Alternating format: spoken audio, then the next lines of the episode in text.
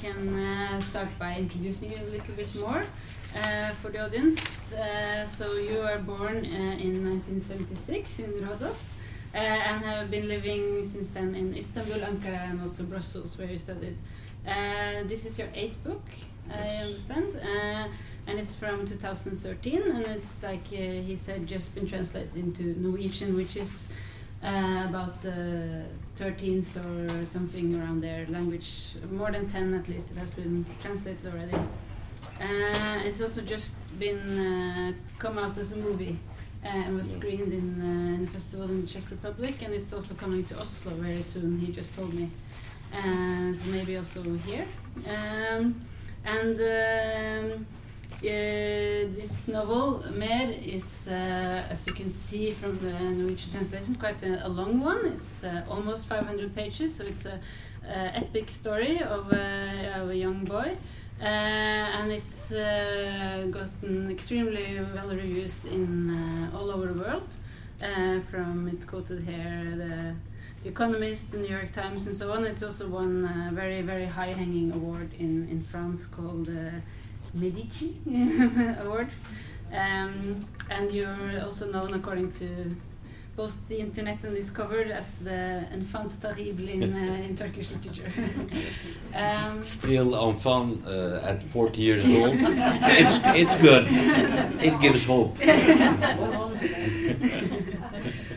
And uh, this book um, is about, uh, like I said, a young boy, and he lives with his father, who is uh, a human trafficker. He helps refugees to come from, uh, yeah, from Middle East, mid, from the Middle East to Turkey and to Europe or other places in the world. And uh, that's all I'm gonna say right now. Can you say a bit more about the topic of this book? Sure. Uh, but first, I will tell you the a very difficult word that I learned today in Norwegian, a Norwegian word, which is hi. and uh, well, 17 years ago, when I started to write, in very short moment, I realized that writing is the best way for thinking. So when you realize that, then you tell to yourself that you're gonna just write what you don't understand. And what you will try to understand with the help of the writing. Because when you write, you can't repeat the same sentence hundred times. You have to evolve in your thoughts and go deeper and deeper. Repeating the same sentence hundred times, it's uh, it's um, uh, thing that's given to, to, to children in school. You know, when they do a mistake or something, you know, uh, they have to write hundred times. So, uh, so each book for me was uh, started with with a question that I want to analyze. There was just a main question, simple questions, and uh, every each eight novels had their own questions that I just wanted to analyze with the help of the story that I was going to tell. My aim was never to find an answer, because even trying to find an answer is some kind of a pressure who will uh, limit you. Uh, my aim was always to start with one question and to finish with thousand questions, if it's possible. Uh, and the question of that book was what's the nature of the relationship between the individual and the group, the individual and the society? What's the nature of that relationship? It was interesting for me to ask this question because uh, I'm thinking, and I was thinking at the time, that this relationship is a problematic relationship because the group or the society doesn't know how to handle the individual, or he or the group takes the individual and uh, makes him disappear. Or uh, lynch him time to time, or uh, choose one individual and put it up on his head and declares him the dictator. So, uh, this was the main question. Meanwhile, in Turkey, uh, there were little articles in newspapers of just four lines with just numbers. Numbers of people drowned dead in the Aegean Sea. No names, no nationalities, no uh, information about why they are there, who brought them there, nothing, just numbers. 53 people drowned there today, found their bodies and everything. It was in 2012, 2011. And Turkey is 1,500 kilometers from east to the west, and those people were able to cross all that distance without being seen, like ghosts. But they were on the newspaper just because they were dead. So you can be a mathematic professor, you can be a gardener, but once you leave your home to become a refugee, well, all the things that you learn for life, for all uh, during all your life, they mean nothing in that trip because it's the first time in your life that you become a refugee. You didn't learn it in school, you didn't learn it in daily life, this knowledge, how to handle this problem. So, you are a group of those kinds of people, and you have to give all the authority to a stranger that you don't even know. And that stranger is the human smuggler, mm. is the human trafficker. Mm. Because he's the only one who knows what's going to happen the next minute in that uh, trip, in that long distance. So, uh, from that relationship between the group of refugees and the human smuggler, it was possible for me to ask questions about the individual and the group. Mm. Uh, because when you have uh, a desperate situation like this, when people are ready to give up to their life to just start a new life, well, they are ready to obey to those kinds of uh, people as well. So it, it became some kind of a laboratory for me, and I chose a kid as a protagonist because uh, children, I think that as they didn't live enough on that planet, they still ask questions which start with why. Simple questions. But adults, we had enough time, we, so we, we got used to it. So we don't ask why. No more. So that kid, whose the father is a human smuggler, uh, plays the role that life gave him at the age of nine.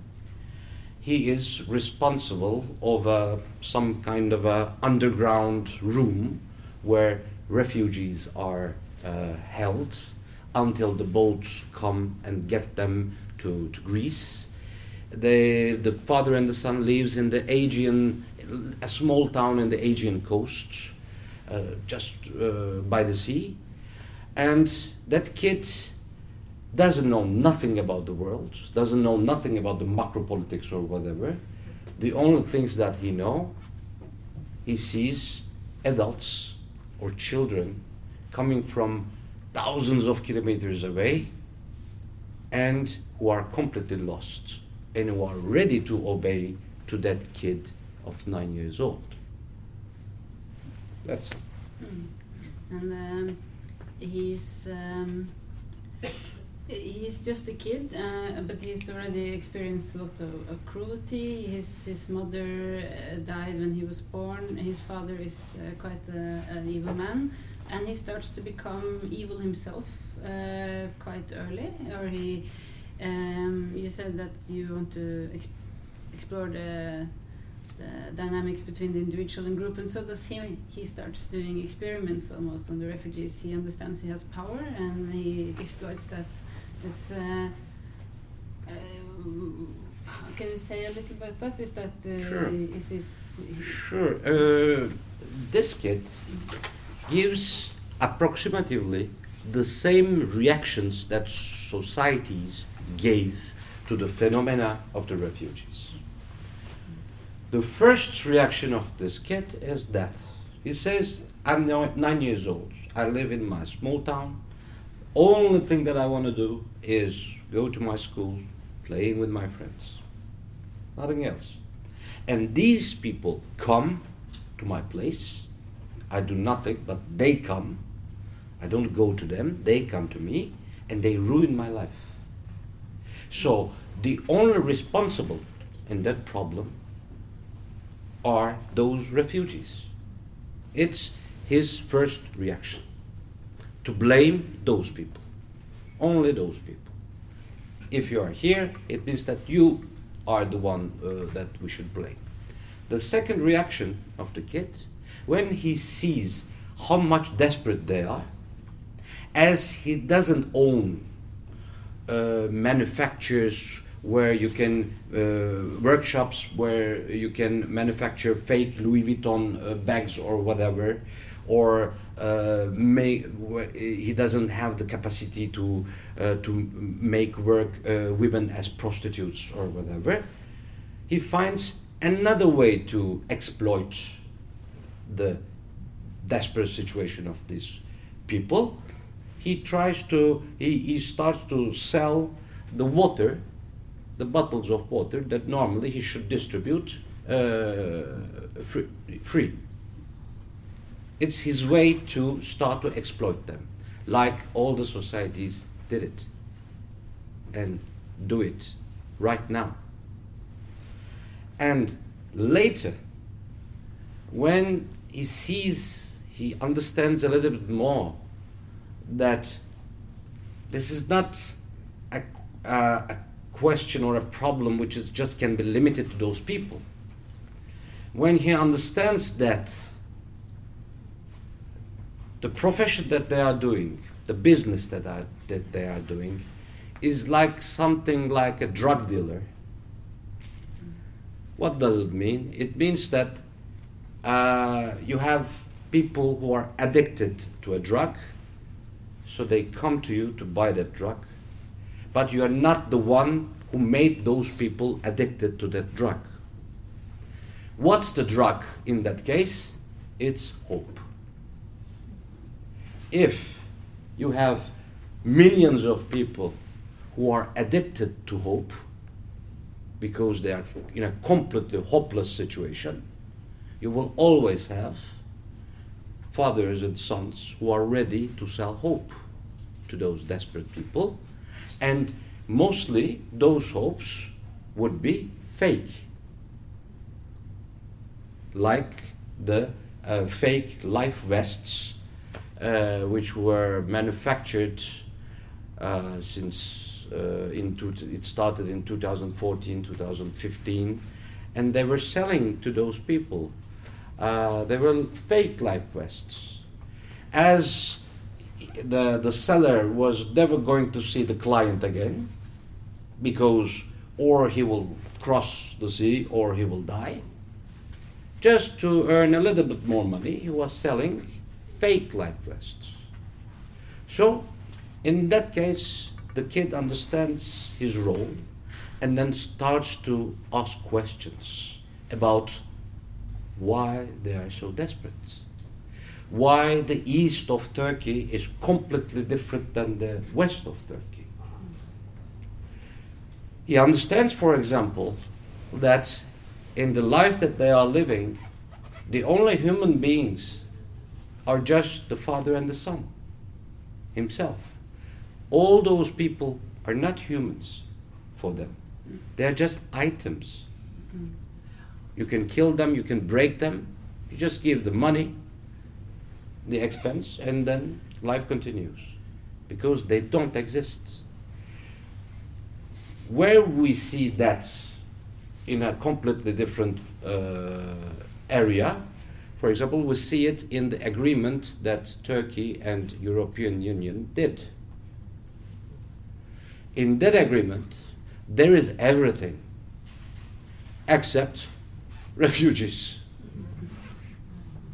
And normally it's an agreement where based on human rights, but we uh, we were thinking that human rights was should be just case by case. You know, it's an individual uh, uh, technique. But in that agreement, it's like the contract between two wholesalers, mm. millions and millions of people. So there as well, uh, there is no human being.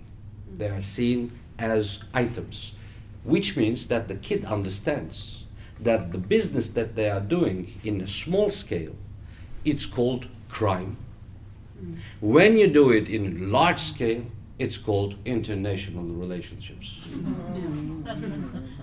yeah. yeah, because I was uh, going to ask you about this. Uh, uh, the traffickers uh, are. Um, like for instance we read about the fake life vest it seems very horrible and they also seem like they disregard human life a bit people are dying a lot in this book and people are being raped it's a lot of violence um, but uh, this is kind of you reflecting the EU Turkey deal, the whole uh, power play among nations. Well, uh, you know the the book is published in 2013, mm. and in 2013 there was not so much a massive uh, immigration movement.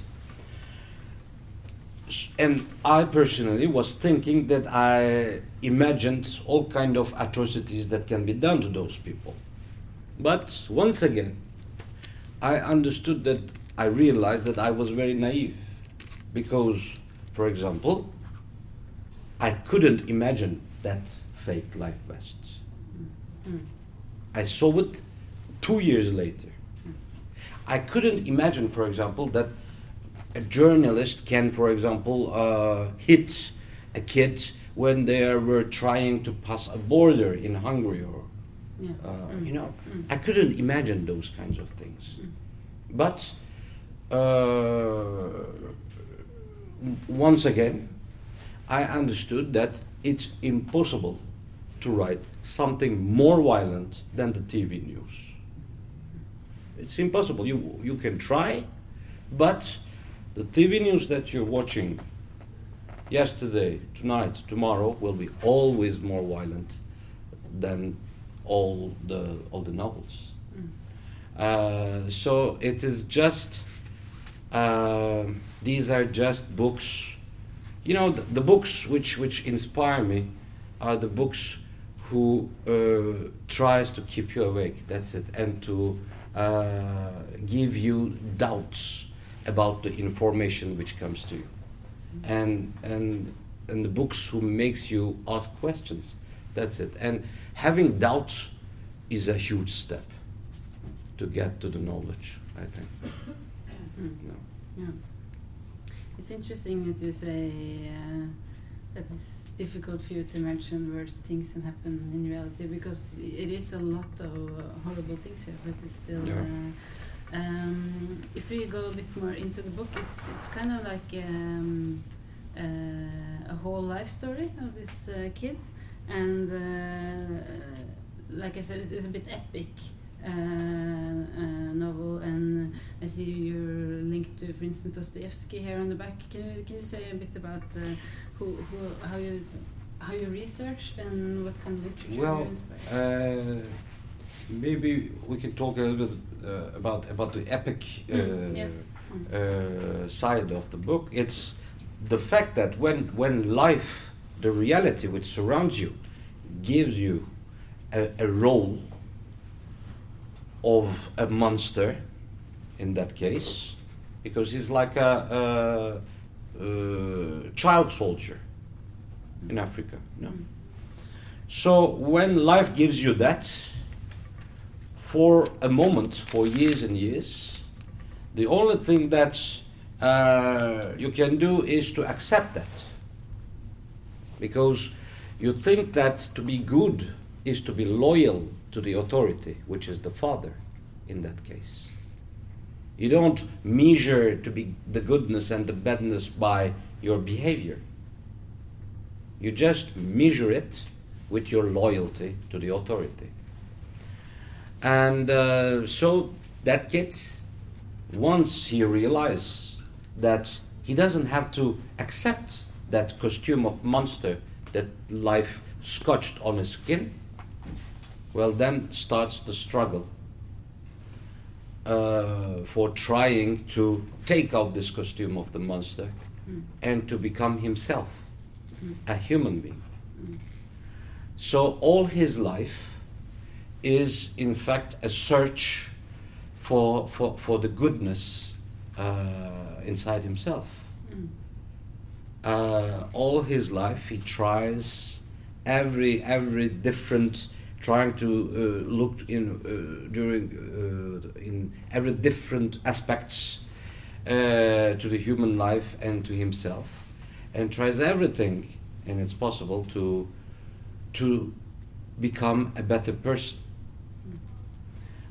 Because he knows, he understands that we are not, uh, we don't have to accept uh, the role given by the society to us. Uh, we are, if we are not free, uh, he understands that if a human being is not free, Mm. well, then he's an item. And he's a He's an item, yeah, yeah, an a- object, Mm, yeah. which means nothing. Mm. So he just becomes, uh, he just tries to become free.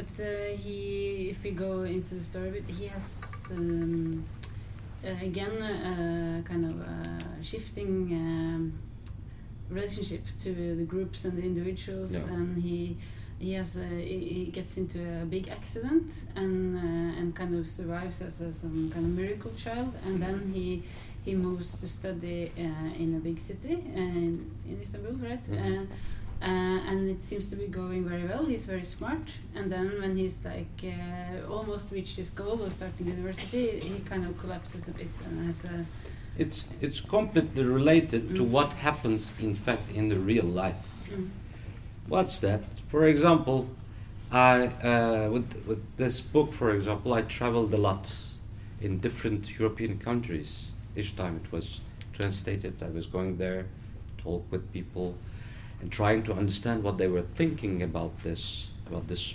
phenomena in, in France, in Germany, uh, in Belgium. And I was trying as well to see what the governments are doing about this. And the only thing that we see mm, is that everyone prefers to make disappear the symptom, which is the re- refugee. mm, But it's the symptom of what? Of an illness which is very old. mm, The immigration has the same age with all the inequalities of that world. mm, It has the same age with all the violence in, on that planet. Always there were people who were trying to go from point A to point B because they were scared, because they were in danger, or because they were uh, starving. mm, So, uh, but what our governments do is to erase the symptom. It's like uh, taking a painkiller without being interested in the real problem. Which means, in the life of societies, it's to put a delay. You say to your grandchildren, well, you will deal it with it, not us. We will just, we will just pass the time, you know. And so that's what this kid does. He thinks that with education, with, uh, with uh, trying to be a uh, normal, very disciplined uh, kid, young person, it can be uh, possible to, to to deal with all these traumas. He thinks that it's possible. He just tries to erase the symptoms mm, but the illness is there. And then years later, he is strong enough to look in his past with the uh, with eye, eye to eye, you know, face to face. That's I think what what the societies should do as well, because uh, all the all the traumas that we have, sociological traumas or political traumas, they are not disappearing at all. You can bury them. You think that you can be saved because they are under the ground, but they will go deeper and deeper and they will go up from the other side of the planet. And they will come again. So, building walls was, for example, one of the first reactions to that. Mm. Uh, building walls on the borders. It's the same thing. It's like closing the door of a room where which is in a house which is burning. Mm. Your first reaction is to close the door. That's what they did, and that's what they uh, will do. If we don't uh, ask questions. I think. Seems like the new strategy is to go after hu- uh, human smugglers, like the main character of this book. That uh, some authorities think that they can stop them by really clamping down on them, and by them stopping them, stopping the refugees. Do you, do you think that uh, it's going to work? um, I don't. I, don't think, understand. uh, authorities are now trying to, for instance, in Libya and in, Yes. in, in northern Africa, Yeah. to stop the human traffickers. They're going after them. The human them, traffickers. uh, well, no, it's, it's like drug dealing. You, yeah. you can't stop them. If if there are hopeless people, there will always be uh, people who will who will sell hope. Mm. Uh, it's like you know, it's it's uh, because it's the situation itself. Uh, I think it's a it's a problematic which should be analyzed in in a big picture and by each of us.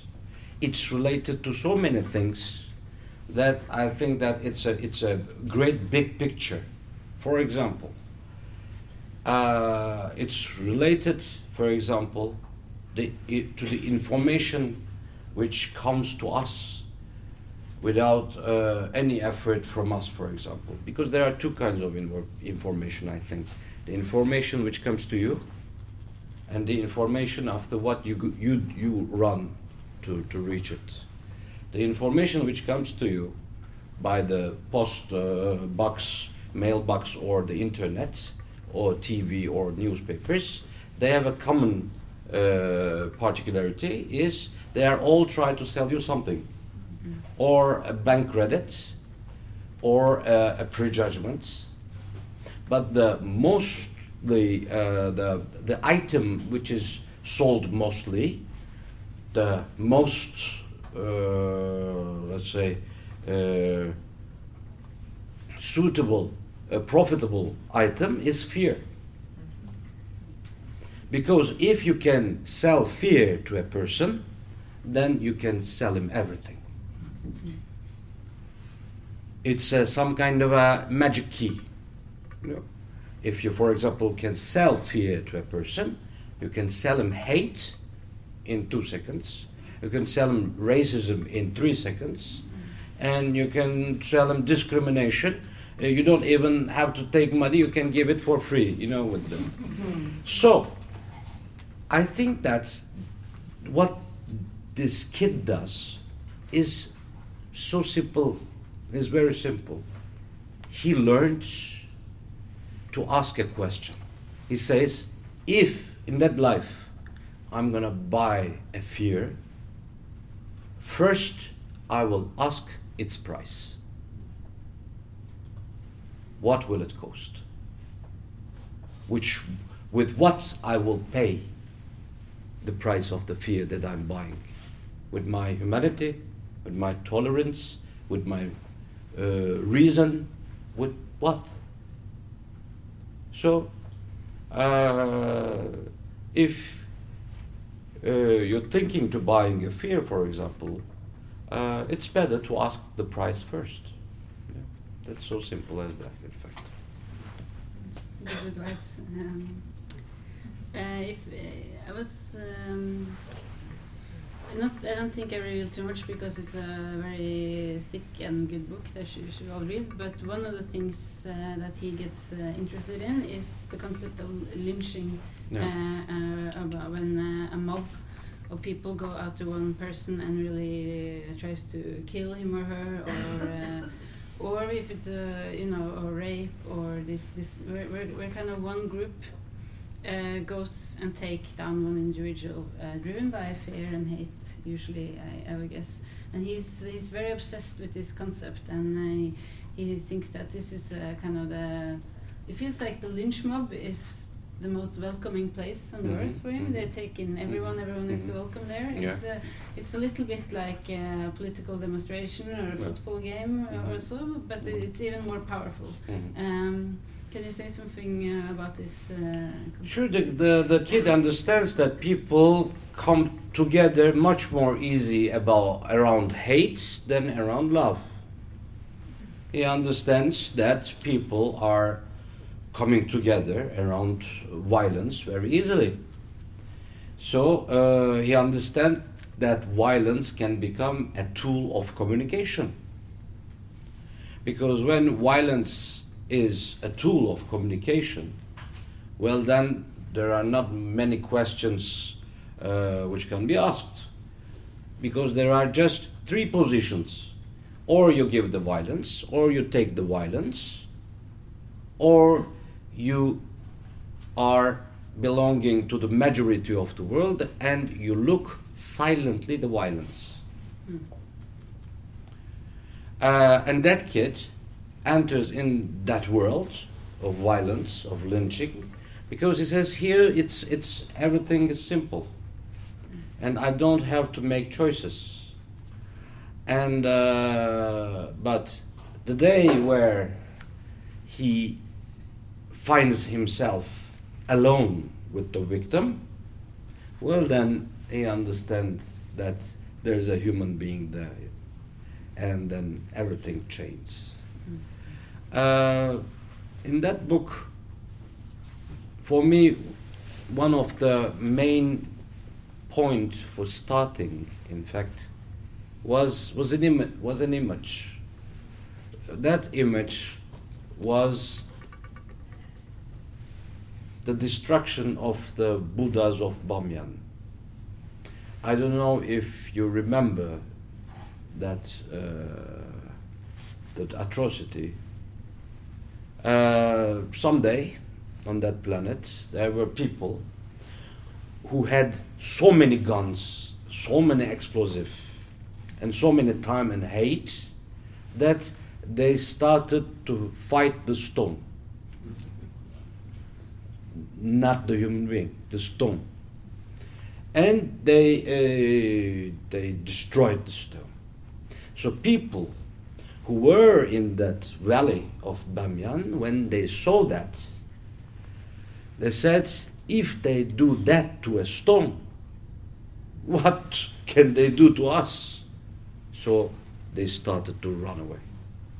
Sure. It was important for me that uh, uh, violence, uh, violent acts, because it's uh, as well a start of the book, because there's a refugee who comes from the valley of Bamyan, Mm. and who becomes friend with the kid. He's an adult, but he becomes friend with the kid, and he gives him as a present a little frog in paper that he makes, and then. Uh, the book starts as uh, it is. The kid one day forgets to turn on the ventilation of the truck where this man uh, stays, Mm. and he dies asphyxiated. Mm.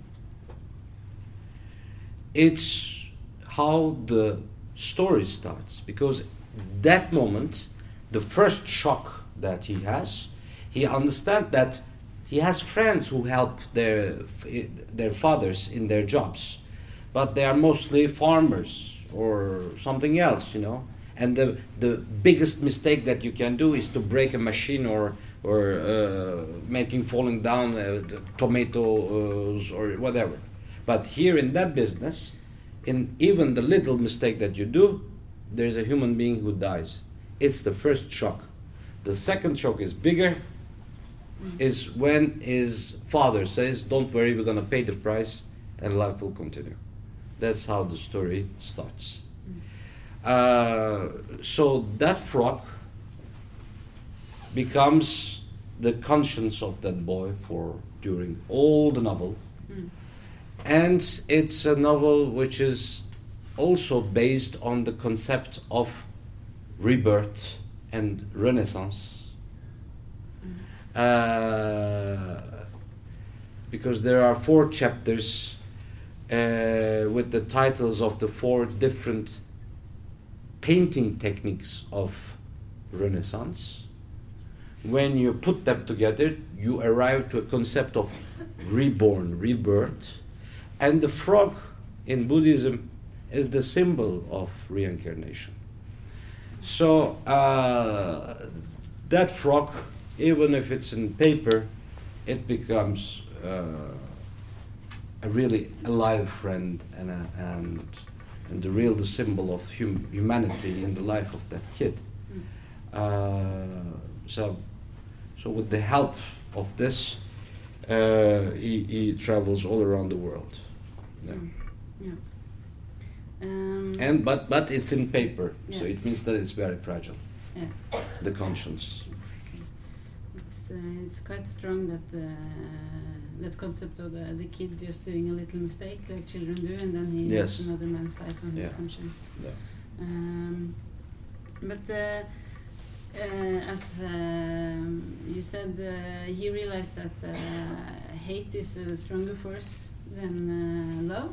Uh, it's easier to get people on board on, and uh, uh, it's also a very uh, dark story here. Uh, is this your is your message that uh, human nature is is kind of evil and everyone is after everyone? Or, uh, I think that in that story, the kid understands that the human being has the tendency to become idiot and violent.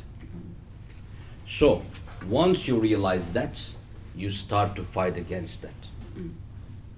The important thing is to realize that and to try to fight against that tendency. mm, To remind yourself every day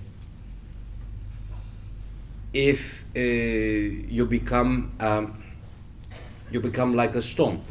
Uh, the, the sensibility is a muscle.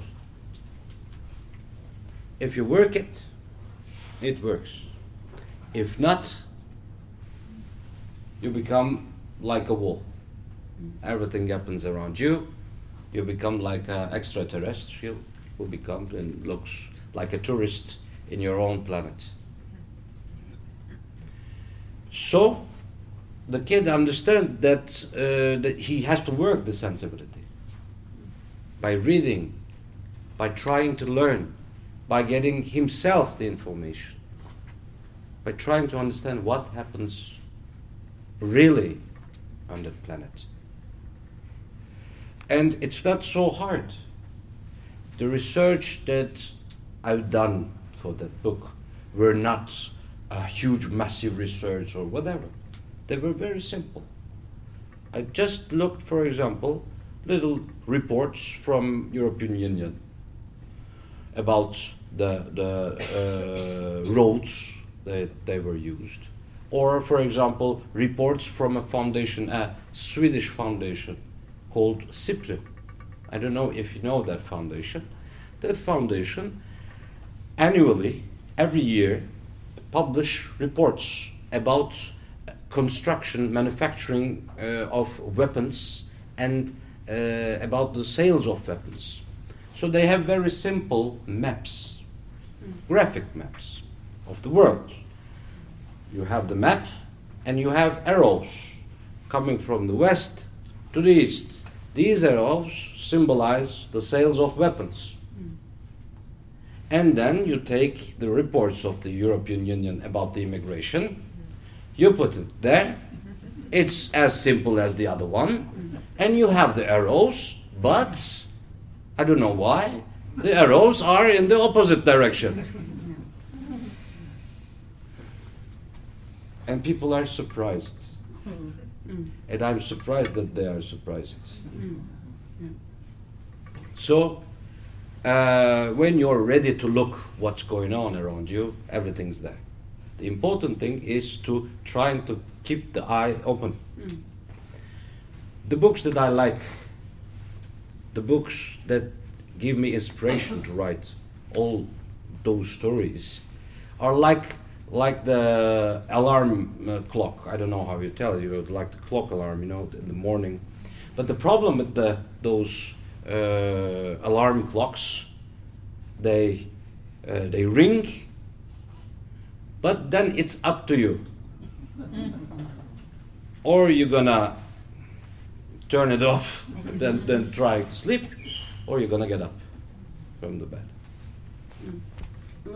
Do you have any clear advice on what people should do when they when they get up? What what can should we put pressure on the authorities? I guess you mean, or um, Well, uh, I think that uh, uh, having doubts about the information, trying to uh, compare different sources of information is a huge step for start. Is a huge step. If you have, if you think that you know very well something, then you should be afraid. You know, then you have to say, now I'm, I have to do a research about it because unfortunately we l- live in an age of illusion where everyone thinks that they know everything. Mm. Yeah. It's the golden age of, of documentaries, mm. and uh, we think that we know everything. It's the same thing for me as well. Mm. So each time that I think that I know everything about a region or a political problem or whatever, then I say, well, then it's the time to make a research from 0 mm. Uh, and I think that it would not be uh, bad as a start. And sure, always being a good cost, uh, consumer and ask the price of the fear that you're gonna buy, sure. yeah. I think we're going to round up soon, but um, I was uh, was wondering about. Um, I think from listening to you, we, we can't brag too much about uh, our own Western societies, but uh, but we are hearing reports from Turkey a Mhm. lot about uh, writers being put to jail, about politicians being put to jail. It's uh, uh, the country moving uh, in a kind of dictatorial way. Uh, can you say a bit how it is to be a writer in Turkey? Or, uh, are the authorities uh, upset with you, for instance, or? Uh, Well, uh, censorship pressure, political pressure, is like a kid of five years old. You know, it goes towards the noise and the lights. So, 70 years ago, those were the poets who were doing the much the biggest noise. That's why the biggest poet of, of Turkey, Nazım Hikmet, passed 13 years in prison. Then they were the novelists who were doing the biggest noise. Society was looking to them, so the authority were targeting them.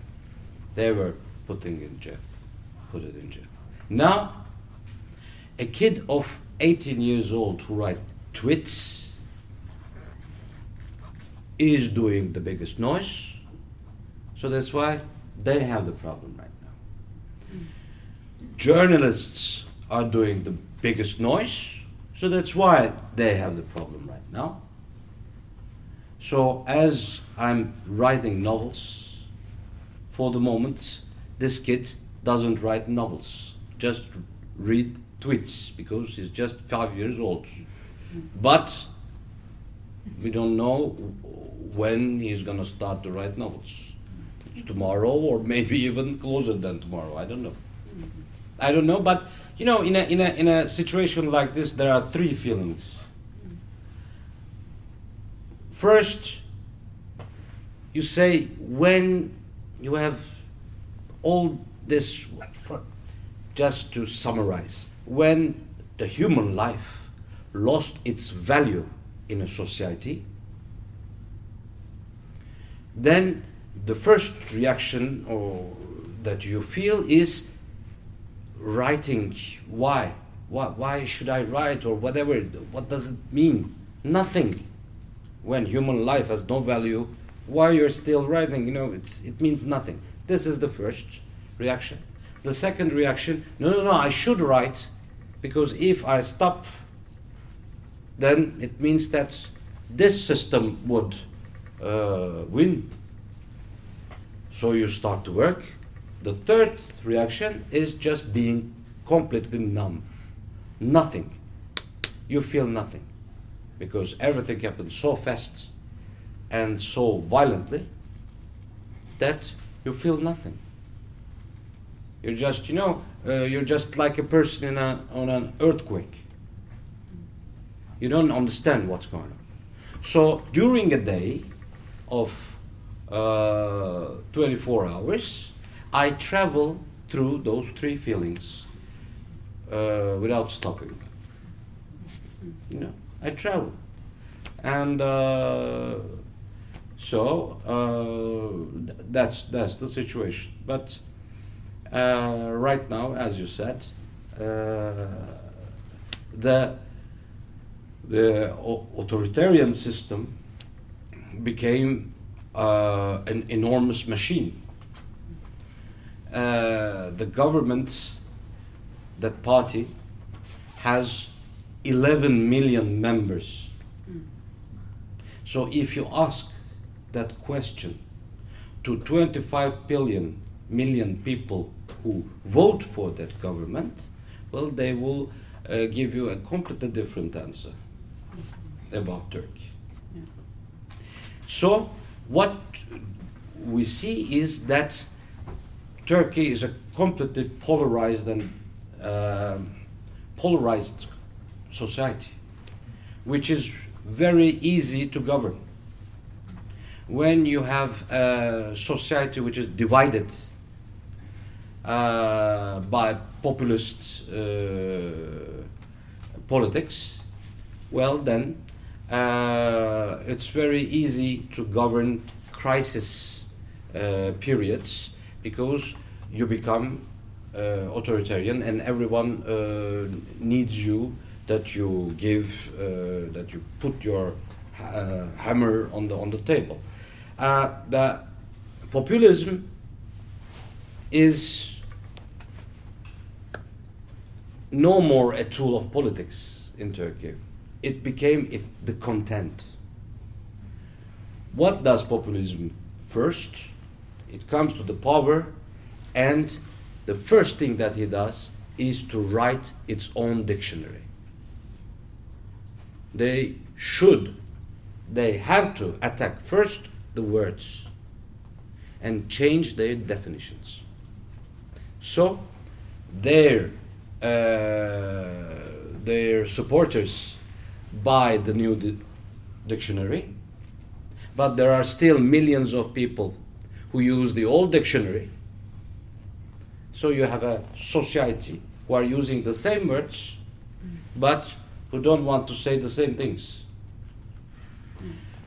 I can give you an example on the international relationships about attacking the words for years and years, we read on newspapers that United States were bringing democracy to Iraq with bombings. Mm-hmm.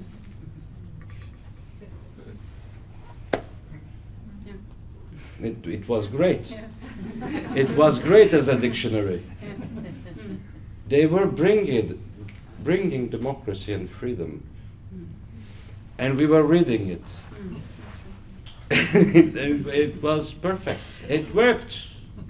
It worked. It didn't work with democracy. Well, for that moment it worked. For that moment it worked. So, uh, the important thing I think is to trying to remember what the words really mean. Mm. Yeah. What they were meaning on the first sight, you know, on the first step. Yeah. Before someone changed Uh, and I think this is the same thing everywhere. It's not in, in always only in Turkey, you know. Mm. It's the same thing everywhere. That's what, what I see. For example, it's the same thing in, in Germany, in France, when they ban the, the, the political meetings of, uh, of the Turkish ministers or, or the prime minister. Uh, it doesn't make disappear hundreds of thousands of German citizens who support the government in Turkey. It's Mm. just erasing the symptom Mm. you have to ask that simple question why why they are supporting uh, that government Mm.